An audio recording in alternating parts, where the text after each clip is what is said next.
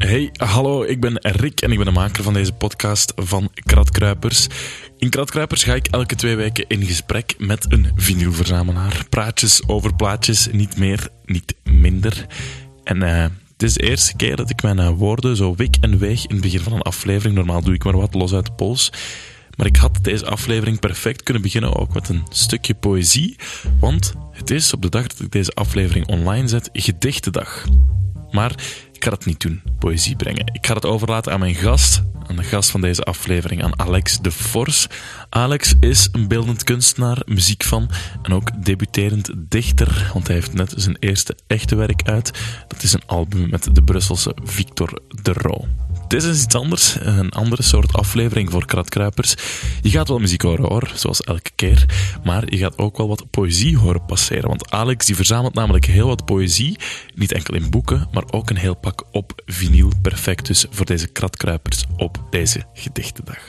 En laat ons eerlijk zijn, in tijden van brulboeien, drogrijden en manke krantenkoppen kan een streep poëzie nooit kwaad. Een tegengif tegen de drukte dus, deze aflevering. Geniet van deze toch wel speciale kratkruipers met Alex de Vors. Zijn we live? We zijn live. Voilà. Ik zal heel wat koffie inschenken. Hè? Voilà. Smakelijk, Rick. Dank u. Alex, uh, ik zit bij jou in Anderlecht. Klopt. En ik zit bij Alex, Alex de Vors. Het is een, een, een aardsmoeilijke vraag, ik weet het. Maar wie is Alex de Vors? um, dat ben ik eigenlijk. En ik um, schilder en teken en schrijf poëzie. Dat is het in een notendop, denk ik. Mm -hmm. ja, en hoe lang doe je dat al? Schilderen sinds, ja, met vallen en opstaan waarschijnlijk sinds altijd. Um, en dichten waarschijnlijk ook sinds altijd, maar laten we zeggen sinds een twee, tweetal jaar. Sinds een tweetal jaar noem je jezelf een dichter dan? Nee, sinds, sinds een maand of zo. Oké. Okay. Ja. Hoe komt het dat dat zo moeilijk is om jezelf die titel toe te eigenen? Um, ik denk dat er eerst iets officieel uit moet komen. Ik heb geen bundel uit of zo, maar nu wel de EP uh, Nachtdichter met uh, Victor de Roo. En daarvoor heb ik één gedicht gehad over Duinkerken dat uh, bij een artikel op de, de, website van Mo stond. Maar verder is er geen gebundeld werk. Daarvoor is het nog veel te vroeg. Oké, okay, maar ik kijk er naar uit, hè, naar dat gebundeld werk. Ik hou het in de gaten, Alex. Merci. nee, Alex, je zegt net een EP uitgebracht, want je hebt ook geschiedenis in muziek. Je hebt al heel veel met muziek gedaan, toch? Ja, klopt.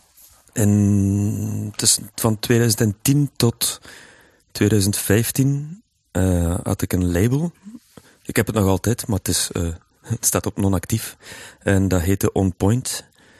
Um, en daarop zijn mensen als J to the Sea, Up High Collective, Delvis, Title, Jazz Never Sleeps, Billy Palmier, Maserati en Leron Thomas um, hebben daar platen op uitgebracht. En de laatste release op het label was eigenlijk een boekje met schilderij van mezelf en poëzie van Malik Crumpler.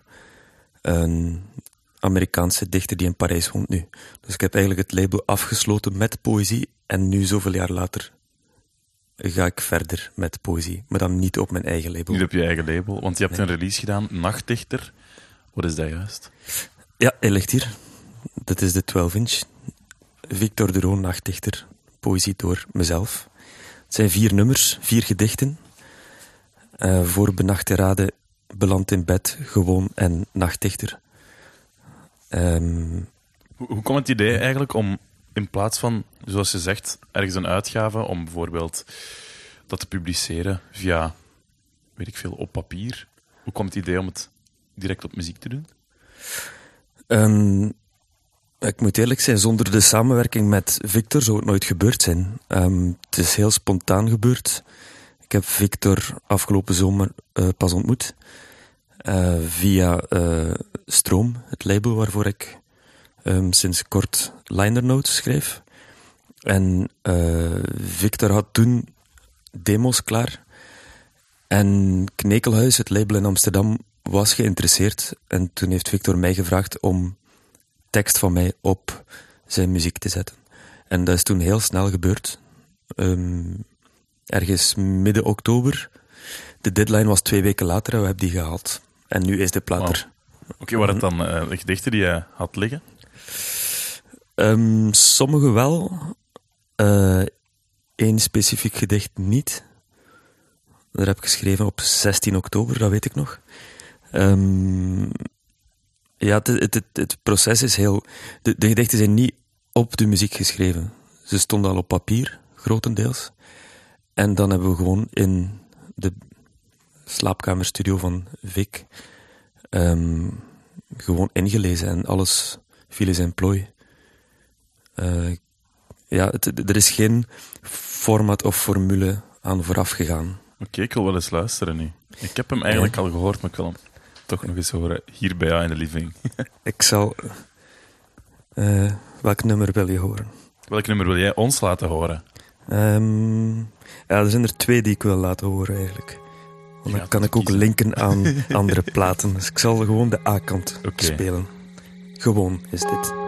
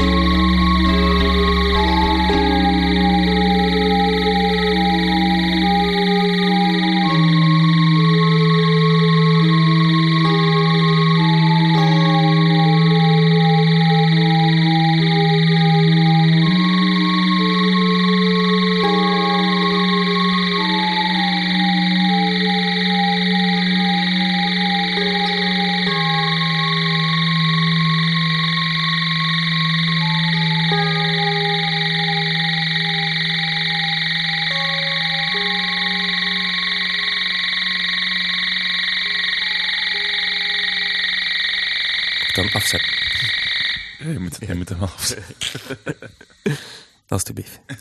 Dankjewel. Gewoon hebben we gehoord. Ja. Hoe ga je te werk als je schrijft, Alex? Eigenlijk ben ik constant notities aan het nemen. Ik heb een schriftje dat ik bijna altijd op zak heb.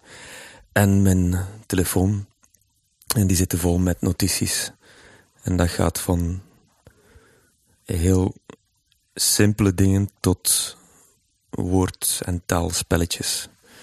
Um, maar er zitten soms ook flarden van het pakweg het weerbericht of zo. Ja. En Mo- Mogen we zien, wat is het laatste dat je hebt genoteerd?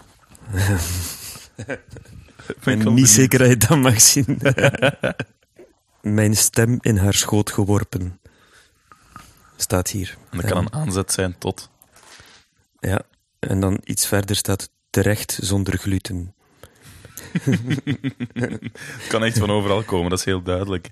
Ja, Eh, Oké, je, je zegt, ik ben, ehm, al, ik ben al heel lang bezig met poëzie. omdat Ik altijd al met, met taal of poëzie bezig geweest.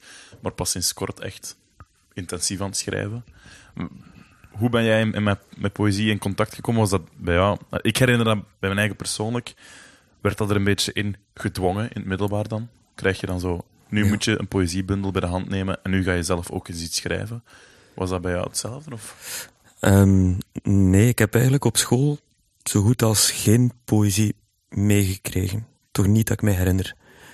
Ehm, het is bij mij via de muziek gekomen. En via ehm, een edit van een nummer van John Cooper Clarke, die blijkbaar vandaag 70 wordt. Dus juist, ja. Ja. En dan ook een plaat eh, met een gedicht eh, van Remco Kampert. Die twee dingen, dat, dat zullen de eerste ehm, kennismakingen geweest zijn met poëzie. En dan daarnaast ben ik een drietal jaar geleden begonnen als huistekenaar bij de Sprekende Ezels in Brussel. En dat is iedere laatste woensdag van de maand eh, teken ik live, eh, terwijl er mensen voordragen. Dus dat is een soort van poëziebad geweest tot nu toe. Daar heb je heel veel ontdekt en ook gezien wat de mogelijkheden zijn. Ja, ja. En dan ben ik eigenlijk in tegelijkertijd gewoon heel obsessief eh, poëzie beginnen verzamelen. Zowel bundels op papier als vinyl, eh, cd's, cassettes.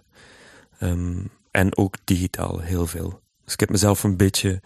ehm, ik moet altijd overdrijven bij die dingen. Ik kan niet half werk doen.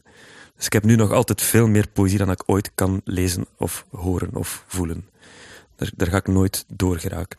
Nee. Nee. Je hebt hier een plaat liggen van eh, Benjamin Herman, het is Kampert. Ja, dat is eigenlijk ehm, het nummer dat we daarnet hoorden, gewoon. Ehm, die tekst heb ik eigenlijk, ehm, hoe moet ik zeggen, de, de repetitie die daarin zit, is een knipoog naar het gedicht Lamento van Benjamin, eh, Benjamin Herman samen met Remco Kampert. Dat is eigenlijk een, een, eh, een opname die gemaakt is voor de documentaire De tijd duurt één mens lang. Ehm, en de plaat is op dat ene gedicht na volledig instrumentaal. Maar hoe dat Kampert zijn eigen gedicht voorleest, vind ik een van de mooiste eh poëzieopnames die er zijn. Ik wil het eens horen. Ik zal het eens spelen voor u.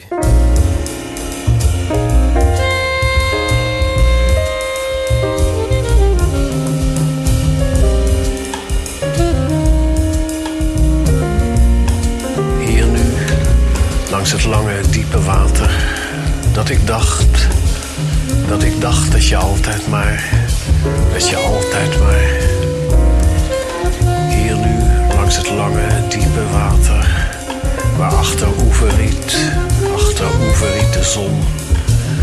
Dat ik dacht dat je altijd maar, altijd. Dat altijd maar je ogen, je ogen en de lucht. Altijd maar je ogen altijd maar rimpelend in het water, rimpelend. Dat altijd in de levende stilte, dat ik altijd zou leven in levende stilte. Dat jij altijd maar, dat wuivend oeverriet, altijd maar langs het lange diepe water. Dat altijd maar je huid, dat altijd maar in de middag je huid, altijd maar in de zomer in de middag je huid. Dat altijd maar je ogen zouden breken, dat altijd van geluk je ogen zouden breken, altijd maar in de roerloze middag, langs het lange water, diepe water, dat ik dacht, dat ik dacht dat je altijd maar, dat ik dacht dat geluk altijd maar.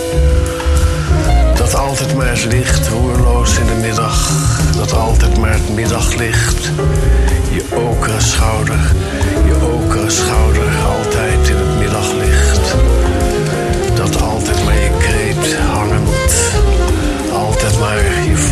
in de middag, in de zomer, in de lucht.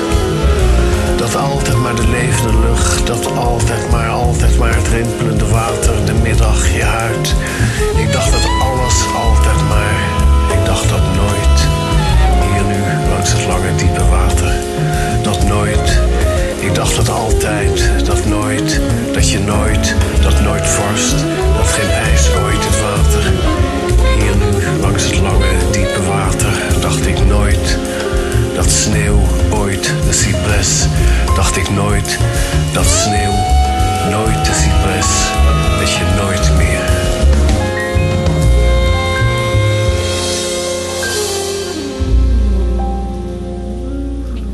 Ik herinner me plots dat ik de documentaire ook heb gezien. Ja. En dat ik eh, dat gedicht, dat me dat heel, heel hard heeft gepakt toen in die documentaire.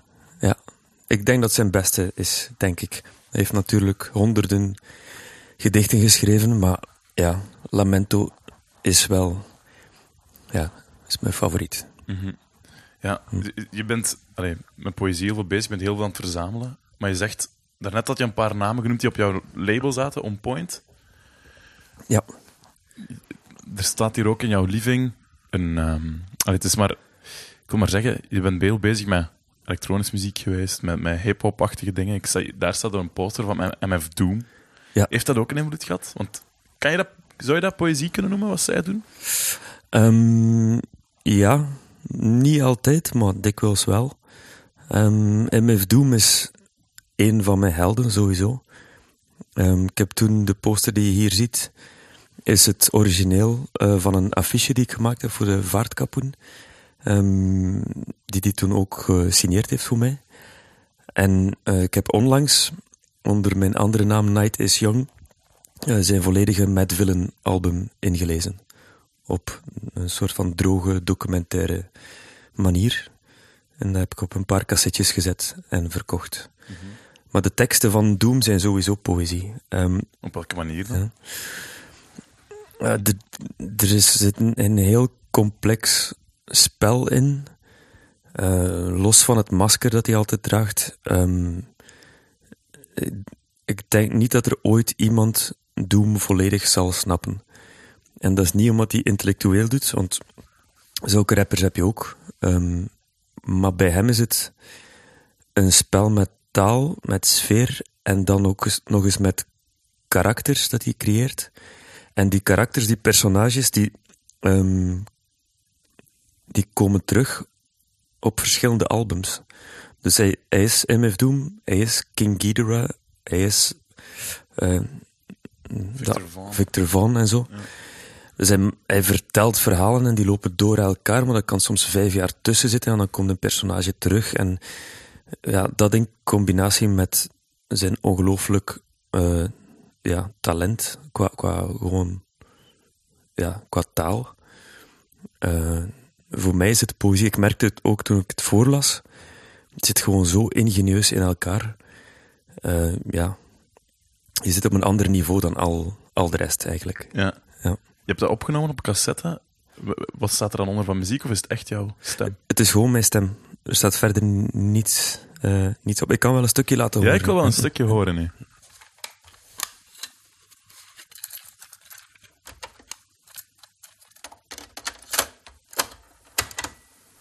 Living off borrowed time, the clock tick faster.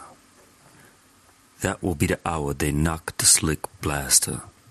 Dick dastardly and motley with sick laughter. A gunfight and they come to cut the mix master. ICE cold. Nice to be old. Y2G T twice to threefold. He sold scrolls, lo and behold, know who is the illest ever, like the greatest story told. Keep your glory, gold and glitter, for half half of his people will take him out the picture. The other half is rich, and it don't mean shit. to. Villain, a mixture between both with a twist of liquor. Chase it with more beer, taste it like truth or dare. When he has the mic, it's like the players get like, oh yeah. It's like they know what's about to happen. Just keep your eye out, like I, I, Captain. Is he still a fly guy clapping if nobody ain't hear it? And can they testify from inner spirit in living the true gods, giving you all nothing but the lick like two broads? Got more lyrics than the church got ooh lords. And he holds the mic your attention like two swords. Ja, MF Doom. Zijn er zo nog rappers waarvan je denkt, momenteel dan? Doom is iemand die al lang mee, allee, die gaat al lang mee, sinds de jaren 80, eind Ja. jaren 80. Zijn er zo nog gasten momenteel waar je denkt van, Nederlandstalig gebied zelfs, waarvan je denkt ja. dat die de moeite zijn om te checken? Alles van Fabriello, van de jeugd van tegenwoordig. En vooral zijn, zijn solo-projecten, mixtapes en zo. Dat is fenomenaal. Ja. Daar heb ik niets van op vinyl, wel, helaas. Ehm, ja, ik kan hem nu niet uit het hoofd citeren. Meestal kan ik dat wel, maar het is nog te vroeg op de avond. Het is nog te vroeg op de avond. Zeg, daar zeg je zoiets. Dichters in het algemeen. Je hebt jezelf, jouw, je, je hebt jouw plaat, of jouw EP, nachtdichter genoemd. Het is wel iets eigen aan dichters, of toch dat is een beetje het romantische verhaal dat er onder dit rond dichters, dat dat, hoe zeg je dat, schepsels van de nacht zijn? Ja. En dat klopt ook wel, ten dele. Ehm schepsels van de nacht met een alcoholprobleem ook allemaal. Is dat? Ja, toch heel veel, ja. Hoe- Hoe zou Ehm, dat komen? Ja, ik denk dat sowieso... ehm, het, is, ja, het is een cliché, maar het klopt toch wel. En het geldt niet alleen voor dichters. Het geldt misschien voor schrijvers in het algemeen. En een bepaald segment van artiesten. Ik heb trouwens een eh, gedicht van eh, Billy Childish. Dat is een eh, folkpunker. Die heeft daar een gedicht over. En dat kan ik u al ook eens laten horen. Wa- waarom denk jij dat dat zo hand in hand gaat, die twee dingen? Het artiestschap, om het zo te zeggen, en, en de nacht, of, of dan bij uitbreiding alcohol? Ja, ik denk dat alcohol gewoon een eh, verdoofmiddel is. Ehm, en voor andere mensen waarschijnlijk andere drugs. Ehm, en de nacht brengt toch een soort van leegte en rust en tegelijkertijd chaos en waanzin. En ik heb verder, ik, hou er niet zo van als mensen te veel gaan analyseren zoals eh, de linker of rechter hersenhelft heeft het nu voor het zeggen of zo. Daar, ja, dat interesseert mij eigenlijk niet. Maar misschien is het wel zoiets, dat kan. Ehm, het zou, ja. Bij mezelf heeft het ook te maken met een, een bioritme dat dikwijls kapot is. En ja, eh, eh, rond de, bij het vallen van de nacht krijg ik een tweede, of derde of vierde adem. En plots is het weer ochtend. En in die tussentijd zijn er dan dingen gebeurd of niet gebeurd. Schrijf je dan ook, Ja. als je, weet ik veel, het is vijf uur s'nachts, je komt terug van café, is dat een moment dat je schrijft? Het moment is dikwijls als ik onderweg ben naar huis. Eh, ik wandel graag s'nachts ook. En dat kan al eens een wandeling van een uur of anderhalf uur zijn. Eh, en dus onder andere omdat ik onderweg stop om dingen te noteren in mijn telefoon. En ehm, ja, dan doe ik daar iets mee of doe ik er niets mee. Dat, dat varieert. Want de ja, dronken indrukken zijn niet altijd de meest betrouwbare. Nee, inderdaad. Je denkt van jezelf altijd dat je heel veel beter bent en dan de dag daarna kan het soms... dan komt het bedrog heel snel aan Ja. het licht. Of het is onleesbaar als het in het schriftje gebeurt, dan is het soms Ah, ook ja. onleesbaar. Ja. In de, in de kalping, In de kalping, ja. ja, in het schrift. Je zei dat je er een gedicht over had van Billy Childish. Ja. Dat is eigenlijk een ehm, Engelse ehm, punker, schilder en dichter ook. Ehm, de ex-lief van Tracy Emin. Dat is ehm, de vrouw die ooit haar eh, slaapkamer tentoongesteld heeft in Tate Modern, denk ik. Billy Childish beweert dat hij haar eigenlijk de kunst heeft leren kennen in interviews. Ehm, maar dat is eigenlijk maar een, dat is een, een van de vele anekdotes in zijn leven waarschijnlijk.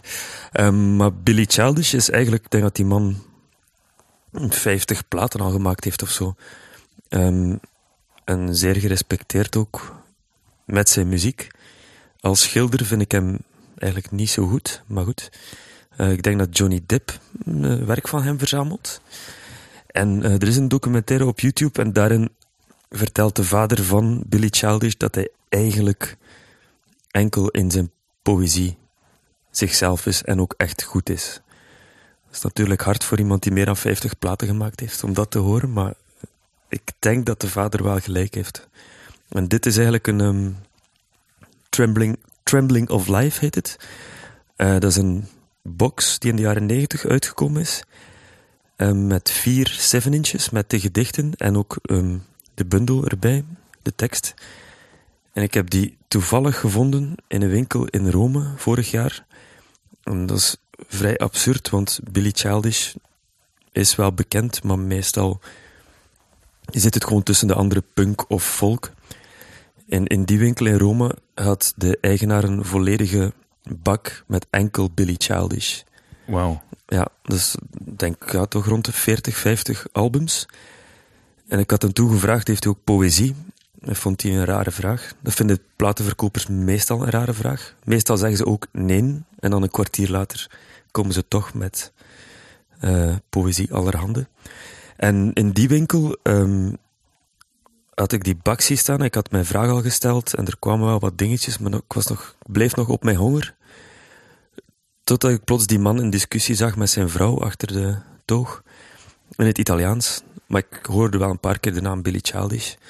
En toen is hij eh even achter eh, ja, backstage gegaan in de winkel. En kwam hij terug met die 7-inch box. En zei, hij zei, ja kijk, dit is gelimiteerd.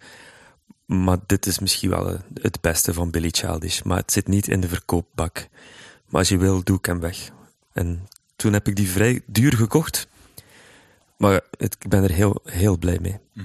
Ik vond het grappig dat iemand een volledige bak Billy Childish heeft en dan net het beste er niet insteekt. Totdat er een klant uit België langskomt die specifiek om poëzie eh, vraagt. We gaan eens luisteren naar het gedicht Over de Nacht. Ja, en eh, over hetgeen dat we net bespraken. Eh, het heet The Magical Prose of Beer. The magical prose of beer. Soused in my corner. Nobody wants me to take up this fight. Everybody would prefer that I remain forever quiet, gutted in my beer. Nobody wants me to become suddenly strong, or if they do, only as a drunkard and a fool. Nobody wants me to shrug off this black cloak and walk savagely upright. They prefer me forever shadowed, muttering the magical prose of beer and falling teeth down. To bleed their blood and die their death, lacking any courage of their own. Blood and die their death. Over de nacht, over het bier. Ja, Billy Herken- Childish. Herkenbaar? Eh, ja, zeker. Ehm, mijn eerste echte atelier had ik boven mijn stamcafé. Meer dan een jaar lang. Dat leek je toen een goed idee. Dat leek toen een goed idee, en dat was het ook. maar eh, ehm, ja, het, het in een hoekje zitten met een schriftje en bier en u afvragen, kan dit, mag dit, eh, dat ken ik wel, ja. Nu ben ik daarover hoor, maar ik heb die fase gehad. Ja, oké. Zeg, ehm, toen we weer begonnen aan deze aflevering, dan zei je van ja, ik heb hier eh, boeken en ik kan iets voordragen, maar ik moet zien dat ik niet te pretentieus overkom als ik iets voorlees. Er hangt wel een randje pretentie aan poëzie, of, of toch een indruk van pretentie bij poëzie. Hè? Ja, dat is toch zeker de perceptie bij veel mensen. En ik vind ook dat dat soms goed is, eigenlijk. Ehm, er is tegenwoordig zo'n soort van stroming binnen de performance poëzie toch, om de, de grens met comedy en stand-up comedy zo'n beetje op te zoeken. En ik vind dat een heel, eh, iets, iets heel moeilijk, omdat het toch echt wel twee verschillende disciplines zijn. En ik, ja, alle twee best wel moeilijk. En ik, eh, ik kan er echt van genieten als iemand op een podium of op een plaat staat en heel serieus is over wat hij doet. En die serieus kan dan pretentieus overkomen, maar dat zit eigenlijk ehm, in het hoofd van de luisteraar of van het publiek. Want die mens brengt ook maar wat dat hij op papier geschreven heeft. Het, eh, dichters moeten geen comedians of acteurs zijn. Maar dat ik. is natuurlijk het gevaar als je begint te schrijven voor een publiek en je hebt een directe reactie. Dan is het ook wel... Dan schrijf je naar die reactie. Nee? Dat is een, dat is een, een, een reëel gevaar, ja. Ehm, daarom ook dat het... Dat het eh, je moet niet schrijven voor het applaus of zo. Dat, dat, dat is voor andere mensen, denk ik. Ehm, maar daarom ook dat het eh, eh, in de geschiedenis van de poëzie op plaat, zeg maar, blijft het mij verbazen dat er toch zeker twee mensen geweest zijn die erin geslaagd zijn om met poëzie de, de, de hitlijsten gewoon te, te bereiken. En dat is Laurie Anderson met Oh Superman en eh Anne Clark.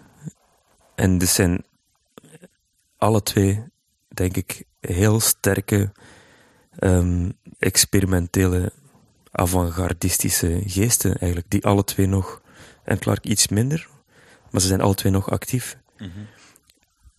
En dus het, het hoeft niet zomaar eh, in poëzie hoeft niet in het verdom hoekje te zitten of hoeft niet obscuur te zijn. Het kan, het kan op, de, op de radio komen. Ik denk tegenwoordig dat bijvoorbeeld iemand als Brihang dat ook toont. Maar het is uitzonderlijk. Ja, het zijn, het zijn er maar weinigen gegund of zo. Ja, Die en Clark, je hebt die daar klaarstaan op, eh, op plaat. Ja. Spreekt jou zo aan in haar werk? Ja de com ik, ik denk de, de, de, de Darkness. Dat is ook de titel van haar hit, Our Darkness. Ehm, ik ga een ander nummer opzetten wel. Ehm, ja, de sfeer. Eh, haar latere werk ben ik minder fan van. Ehm, maar misschien komt dat nog.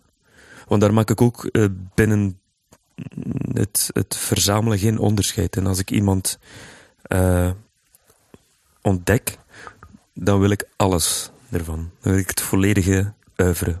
Dus zelfs als er een slechte plaat is van artiest X, maar daar staat poëzie op, dan zal ik die kopen. Maar misschien zegt die slechte plaat soms meer dan die drie goeie. Ja, dus ik, ik wil gewoon een totale beeld van die persoon of van het werk van die persoon kunnen krijgen. En daarvoor moet je gewoon de goede en de slechte dingen eh, verzamelen. Als er slechte zijn, natuurlijk. Ja, Ja. oké. We gaan eens luisteren naar Anne Clark.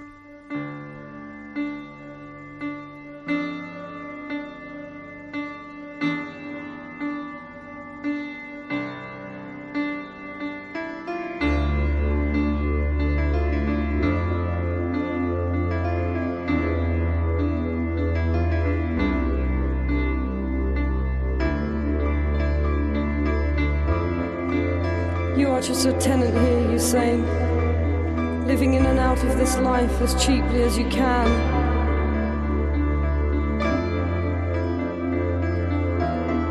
I sit here in the darkness, gently, like an old woman.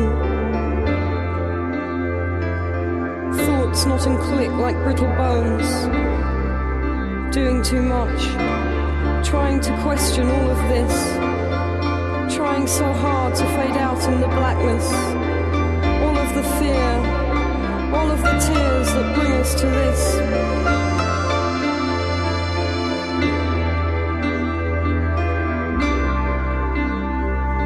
Sometimes it is better that we sit here in the silence. I don't look at you, and you don't seem to notice. And the reasons the reasons are impossible to see converge. They gather like dust upon a shelf.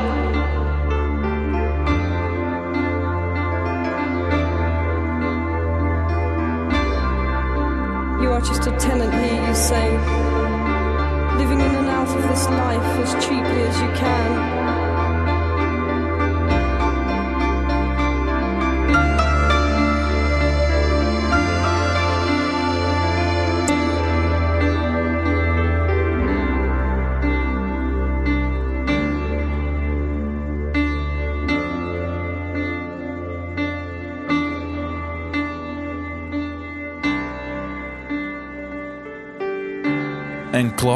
Hoe heette het nummer, Alex?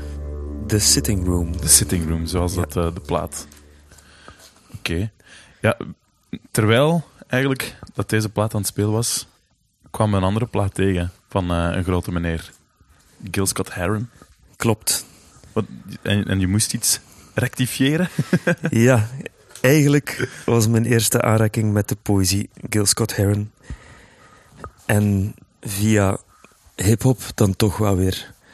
Ehm, en dat was het nummer uh, Sixth Sense van Common op Like Water for Chocolate. En dat begint met Common die zegt: The revolution will not be televised. En ik herinner me nog dat ik toen omvergeblazen was door twee dingen, want ik had niet door dat Bilal op dat nummer zingt. Ik dacht dat het een sample was. En door die ene zin, de The revolution will not be televised, vond ik zo geniaal. En het is pas later dat ik ontdekt heb dat het dus niet van Common kwam, maar van Gil Scott Heron. En ik heb een gelijkaardig iets gehad met hip-hop en literatuur, met um, L'Enfer c'est les autres van uh, L'Enfer van I Am op l'école du micro d'argent. Heb ik jarenlang uh, dacht ik dat is het meest geniale dat een rapper ooit geschreven heeft. Mhm. Tot ik tot mijn scha en schande moest constateren dat het uh, Sartre was die dat gezegd had. Oké. Maar dus de, ja. Op zich zorgt dat wel voor een, voor een heel mooi doorgeefluik. Ja. Zorgt ervoor dat jij zelf andere dingen ontdekt via die rappers. Ja. En dat is, dat is eigenlijk, denk ik, een deel van de functie, of kan een deel van de functie zijn van hip-hop. Uh, Mos Def en Talib Kweli hadden voor, voor ze, of tijdens dat ze Blackstar begonnen, hadden die een boekenwinkel. Uh, die foto staat zelfs uh, op de plaat, op de achterkant of de insert. Dus dat zijn mensen die heel veel gelezen hebben en die een background hebben en die die ook meegeven.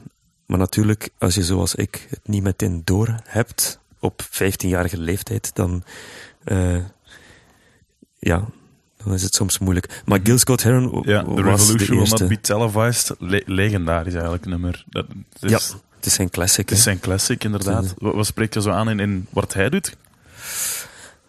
Ehm, ja, dat is natuurlijk een, een, een vorm van poëzie die ver van mijn bed staat. Dat is activistisch, ehm maatschappij kritisch. En is natuurlijk een van de eh, grote stemmen binnen de civil rights movement in Amerika. Samen met eh, mensen zoals The Last Poets en Amiri Buraka. Ehm, maar Gil heeft dan eigenlijk heeft de brug met de muziek heel goed gemaakt, samen met Brian Jones. Uh, maar die eerste platen, er zijn trouwens twee versies, minstens twee versies van The Revolution Will Not Be Televised. En de eerste staat op zijn debuut, A New Black Poet, Gil Scott Heron, Small Talk at 125th and Lennox. En daarop is het gewoon zijn poëzie en percussie. In de- Zoals bij The Last Poets. Zoals bij The Last Poets, ja. En dan nadien pas is de versie met de muziek gekomen op de plaat The Revolution Will Not Be Televised. Eigenlijk het, het, het, het verhaal van Gil Scott Heron is voor mij enkel mooier geworden naar het einde toe, omdat hij met zijn laatste plaat eh, I'm New Here, ehm, toen die uitkwam, herinner ik mij dat er heel veel negatieve commentaar was. Ehm, dat is dan weer eh, positief geworden door de remixes van Jamie XX. Eh, maar toen I'm New hier uitkwam, eh, was iedereen teleurgesteld of kwaad door de lo-fi sound of door de sfeer, door zijn gebroken stem. Maar ik was meteen opnieuw verliefd geworden op Gil. Want op die plaat eh, is hij zo persoonlijk en zo eerlijk over ja, zijn, zijn lifestyle, zijn eenzaamheid, de, de, het gewicht van de stad die op zijn, op zijn schouders weegt. Uh, en het is een andere Gil op die plaat.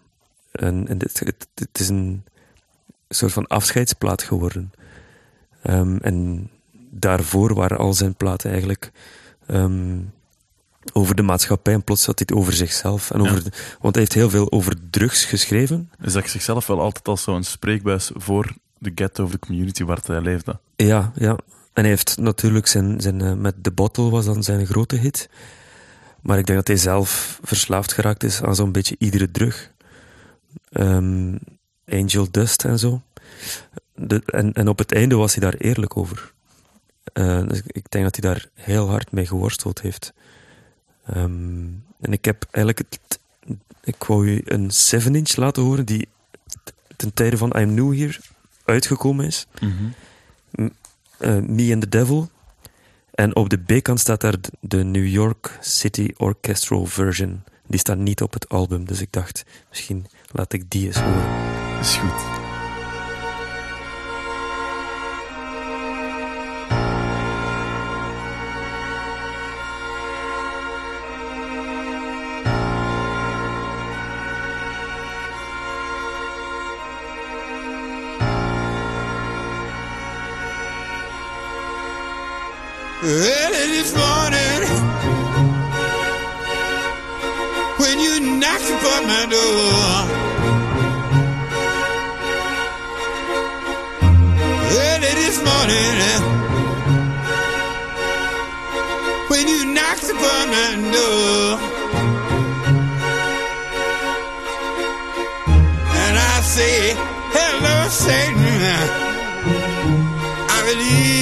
Time to go.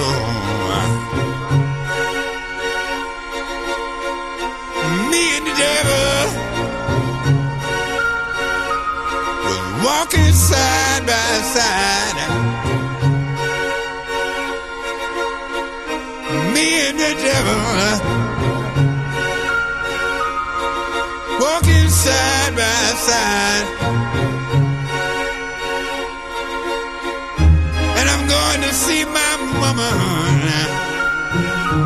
Until I get satisfied.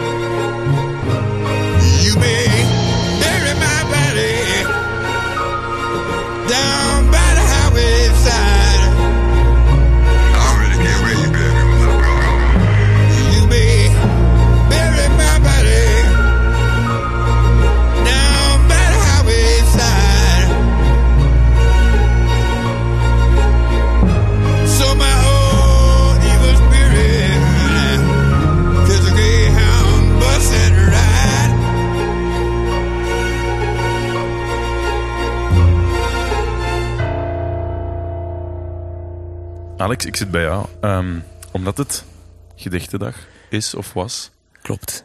Is dat, is dat iets... ehm, wat, wat vind jij eigenlijk van gedichtendag? Of van poëzieweek? Ik vind het sowieso goed. Ieder, ieder initiatief eh, met poëzie is goed. Eh, Want je zit ook in de... Of je had iets te maken met de Partij voor de Poëzie. Ja, ja, ja. Wat is dat juist? Ik zal even mijn lidkaart tonen ter Oké, dat bewijs. is met lidkaarten. Ja, ja.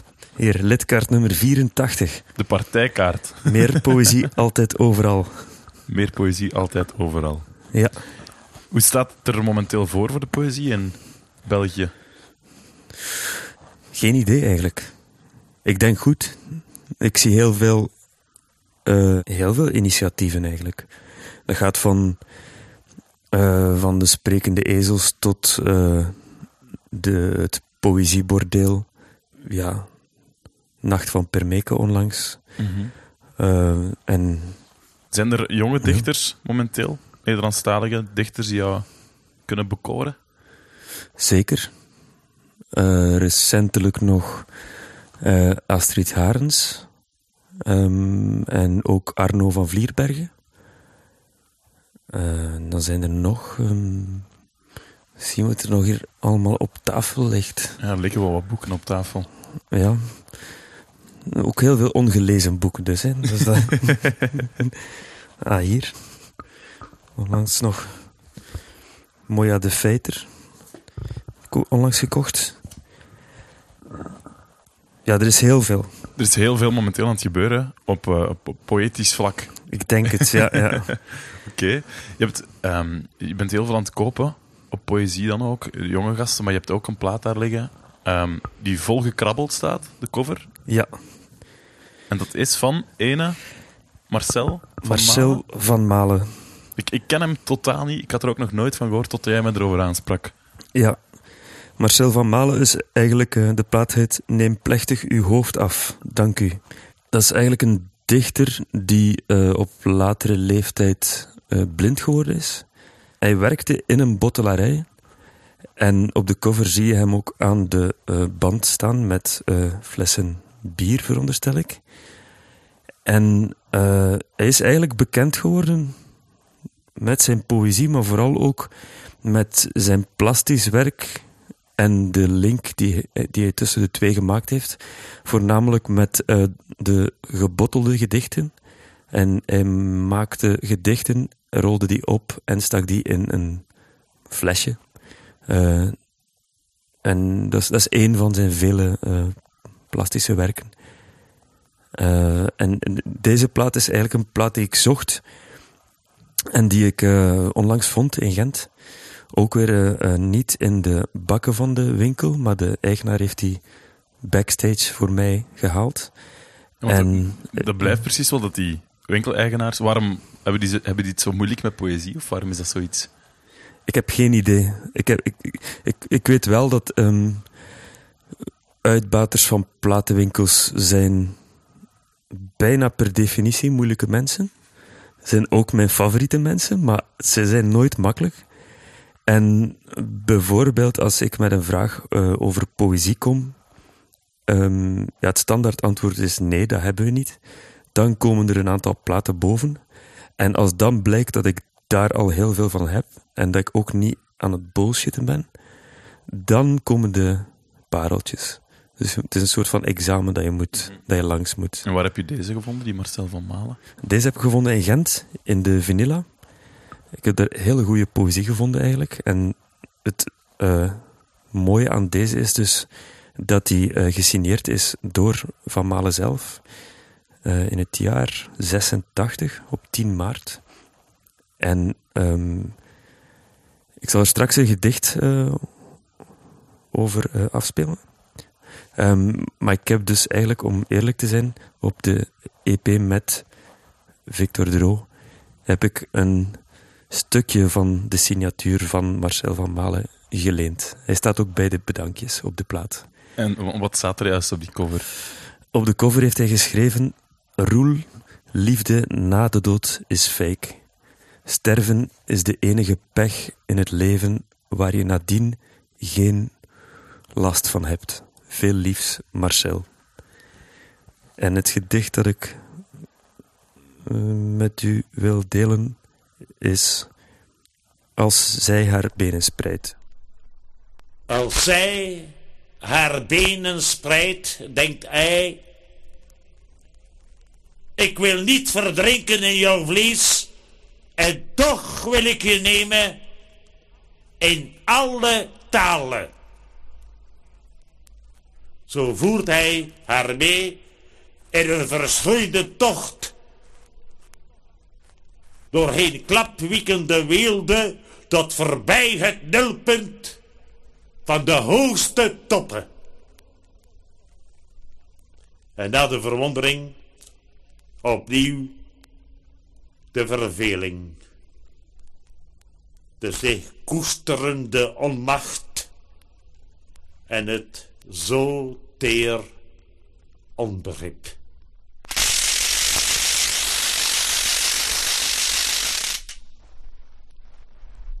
Marcel van Malen, Ja. Gentse dichter. Zeg, eh, we hebben ondertussen heel wat dingen gehad. Ik heb al heel veel leren kennen eigenlijk op die, op die korte tijd. Daar, Bedankt daarvoor, Alex. Alsjeblieft. Ehm, en je hebt, in het begin heb je iets, ver- iets vermeld. We zijn iemand zijn verjaardag nog vergeten te vieren. Vandaag, 25 januari. Ja, John Cooper Clarke. Ehm, punkdichter eigenlijk.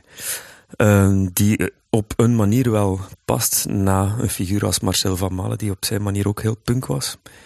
Ehm, en John Cooper Clarke is, eh, is eigenlijk eh, ja, een Engelsman. Eh, goed bevriend ook met eh, Jules Deelder. Dus hij zit ook in die richting. Ehm, en die maakt ja, ehm, poëzie in de punk-traditie. die eigenlijk heel erg ja, onnabootsbaar is, denk ik. Want het is, het is een soort van rant poetry, noemen ze het, Ginder. Ehm, hij zelf valt nog mee, maar mensen zoals eh, Attila de Stockbroker of Andy T, of eigenlijk ook een Billy Childish van daarnet, die zitten in die eh, UK-school. Is dat, is dat een scene die nog actief is? Ik denk het wel. Ehm, ik zou heel graag eens naar de UK gaan om daar eh, de, de hedendaagse poetry scene te, bezig te zien. Ehm, eigenlijk, eh, ik kan nu op haar naam niet komen. eh, eh, Kate Tempest Ja. zit daar ook wel in, vooral haar eerste albums. Eh, die komt daar, dat is zo'n beetje de nieuwe generatie van, eh, van die, die ook stijl. heel punky, heel activistisch, heel eh, stempel drukken op eh, wat er gebeurt. Ja, ja. Ja. Want dit nummer van John Cooper Clarke is eigenlijk zijn, ja, zijn meeste is gewoon een, een dansnummer uiteindelijk. I Married the Monster from Outer Space. Het is ook een heel mooie vinyl die je daar hebt. Hè? Ja, het is een soort van driehoekige oranje 7-inch. UFO-ding. Ja, ja, ja. het, is, ja, het slaat nergens op. Oké. Eh, ik heb hier ook nog Attila de Stockbroker ook nog liggen. Kijk, het is moeilijk om daar nu iets uit te kiezen, want het probleem bij die poëzie is dat die zo hard gelinkt is aan de actualiteit. Het ging echt over... Dus dat zijn dan... Moet ik me dat dan voorstellen, dat die gasten op een soort van poë- poëzieavond hun, hun protest kwamen brengen of vertellen? eh, ja, dus, dus echt de eh, working class eh, rants gewoon. Die, mensen die kwaad zijn op het systeem. Eh, het is momenteel een beetje wachten of er eh, uit de gele hesjes dichters zullen opstaan. Maar had het in de UK gebeurd, dan waren er zeker al een paar dichters die op de, op de barricade stonden. Want dit album hier heet Ranting at the Nation. More poems about flatfish and Russians. Dus een, een soort van ehm licht racistische ondertoon ook, maar op een manier die enkel de Engelsen mee wegkomen. Is dat, is dat iets dat we momenteel misschien missen? Een soort van poëzie om de dingen te kaderen? Kan, kan poëzie verklaren, allez, verhelderend werken op de actualiteit? Geen idee, maar ik moet wel eh, bekennen dat er in mijn eh, browser een artikel, een tab open staat met een artikel eh, van The Guardian, die deze week eh postte dat er verkoopcijfers van de poëzie eh, een recordhoogte bereikt hebben. En zij linken dat aan een nieuwe generatie jongeren die op zoek zijn naar antwoorden en die die dan in de poëzie zouden vinden of zo. Eh, of dat dat echt zo is, dat weet ik niet. Als tegengewicht voor al de fake news. Ja, dat misschien wel. Ja, dat lijkt me wel logisch. Oké, zalig. De, de, de poëzie is nog lang niet uitgesproken, uitgepraat en uitgeschreven. Nee, klopt. Alex, dikke merci voor al jouw fantastische keuzes. Graag gedaan. En we gaan vooral luisteren naar eh, de jarige. De jarigen. De jarige Job. Ja, John Cooper Clarke.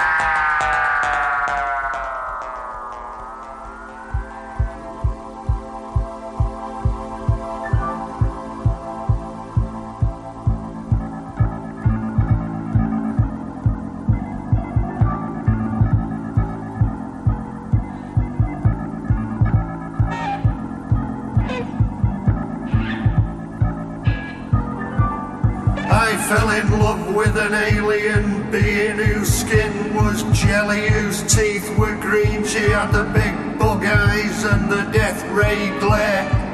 Feet like water wings, purple hair. I was over the moon. I asked her back to my place, and then I married the monster from outer space.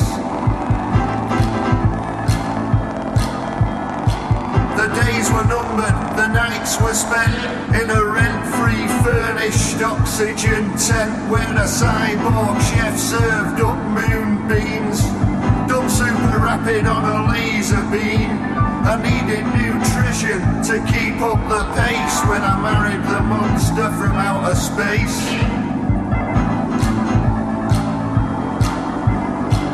We walked out, tentacle in hand. You could sense that the earthlings would not understand. They go nudge, nudge when we got off the bus, saying it's extraterrestrial, not like us, and it's bad enough with another race.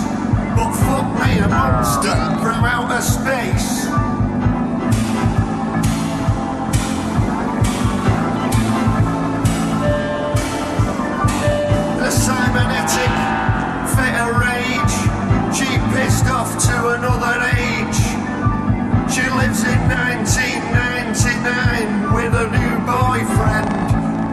Of slime each time I see a translucent face.